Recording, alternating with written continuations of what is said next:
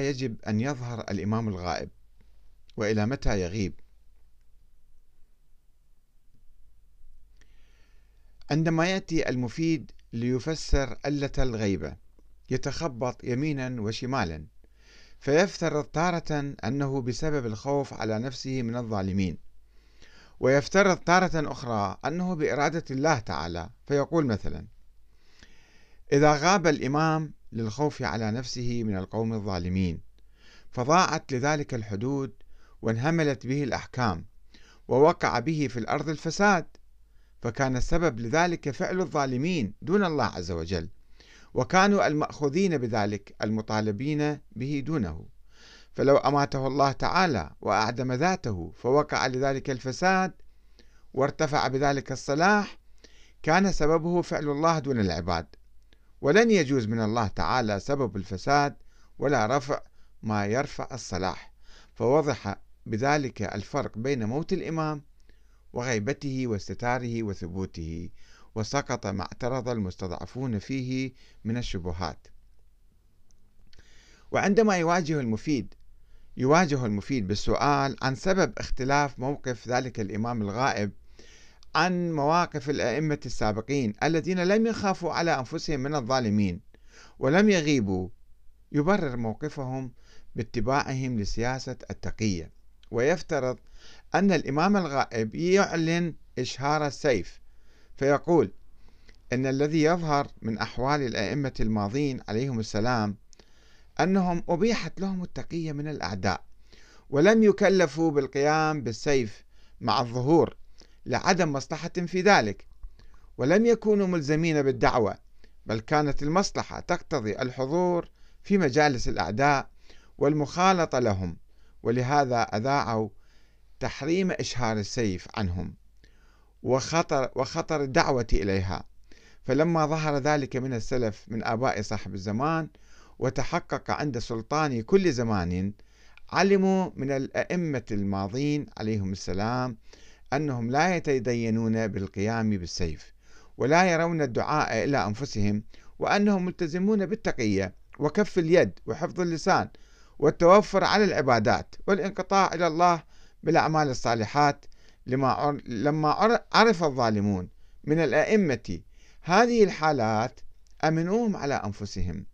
لكن إمام هذا الزمان لما كان هو المشار إليه بسل السيف والجهاد لأعدائه وأنه هو المهدي كان الأعداء يترصدونه ويبغون قتله وحيث لم يكن له أنصار متهيئين إلى وقت ظهوره لزمته التقية وفرضت, وفرضت عليه الغيبة. ويكرر ذلك التبرير الافتراضي مرة أخرى. أقول التبرير الافتراضي لأنه لم يكن هناك أي حديث عن أن ابن الحسن العسكري هو المهدي المنتظر آه، من قبل. فلما يقول الشيخ المفيد فلما ظهر ذلك عن السلف الصالح من آبائه وتحقق ذلك عند سلطان كل زمان وملك كل, وملك كل أوان وعلموا أنهم لا يتدينون بالقيام بالسيف ولا يرون الدعاء إلى مثله على أحد من أهل الخلاف وإن دينهم الذي يتقربون به إلى الله التقية وكف اليد وحفظ اللسان والتوفر على العبادات والانقطاع إلى الله عز وجل بالأعمال الصالحات أمنوهم على أنفسهم مطمئنين بذلك إلى ما يديرونه من شأنهم ويحققونه من ديانتهم وكفوا بذلك عن الظهور والانتشار واستغنوا عن الغيب والاستتار. وعندما يحاصر الشيعة الأقوياء العقلاء الشيخ المفيد في ظل الحكم البويهي الشيعي ويسألونه عن سر الغيبة مع زوال الظالمين أو ضعفهم يفترض سببا آخر للغيبة وندعه يحدثنا عما جرى له في أحد المجالس. يقول الشيخ المفيد حضرت مجلس رئيس من الرؤساء البوهيين فجرى كلام في الإمامة فانتهى إلى القول في الغيبة. فقال صاحب المجلس أليست الشيعة تروي عن جعفر بن محمد عليه السلام أنه لو اجتمع للإمام عدة أهل بدر 313 لوجب عليه الخروج؟ أوليس الشيعة في هذا الوقت أضعاف عدة أهل بدر؟ فكيف يجوز للإمام الغيبة مع الرواية التي ذكرناها؟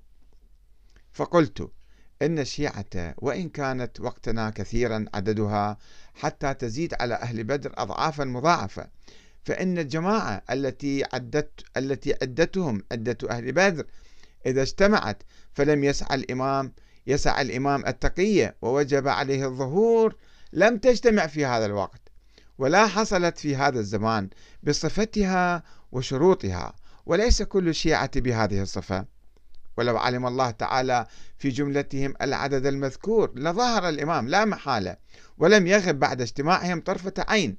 لكن المعلوم خلاف ما وصفناه فلذلك ساغ للإمام الغيبة. وعندما يسأله السائل الشيعي ومن أين لنا أن شروط القوم على ما ذكرت؟ وإن, وإن كانت شروطهم هذه فمن أين لنا أن الأمر كما وصفته؟ فقلت إذا ثبت وجوب الإمامة وصحة الغيبة لم يكن لنا طريق إلى تصحيح الخبر إلا بما شرحناه. لازم من أول بهذا التأويل يعني. ولو لم نذكر في هذا الباب واقتصرنا على أنه متعبد في ذلك لغلبة الظن وما يظهر له من الصلاح لكفى وأغنى وقام مقام الإظهار. فقال لماذا لا يظهر الإمام؟ وإن أدى ظهوره إلى قتله فيكون البرهان له والحجة في إمامته أوضح ويزول الشك في وجوب في وجوده بلا ارتياب. فقلت إنه لا يجب ذلك عليه كما لا يجب على الله معاجلة العصاة بالنقمات وإظهار الآيات في كل وقت. دائما كان يتهرب من الأسئلة الذكية والصعبة. وإلى حلقة أخرى إن شاء الله. والسلام عليكم ورحمة الله وبركاته.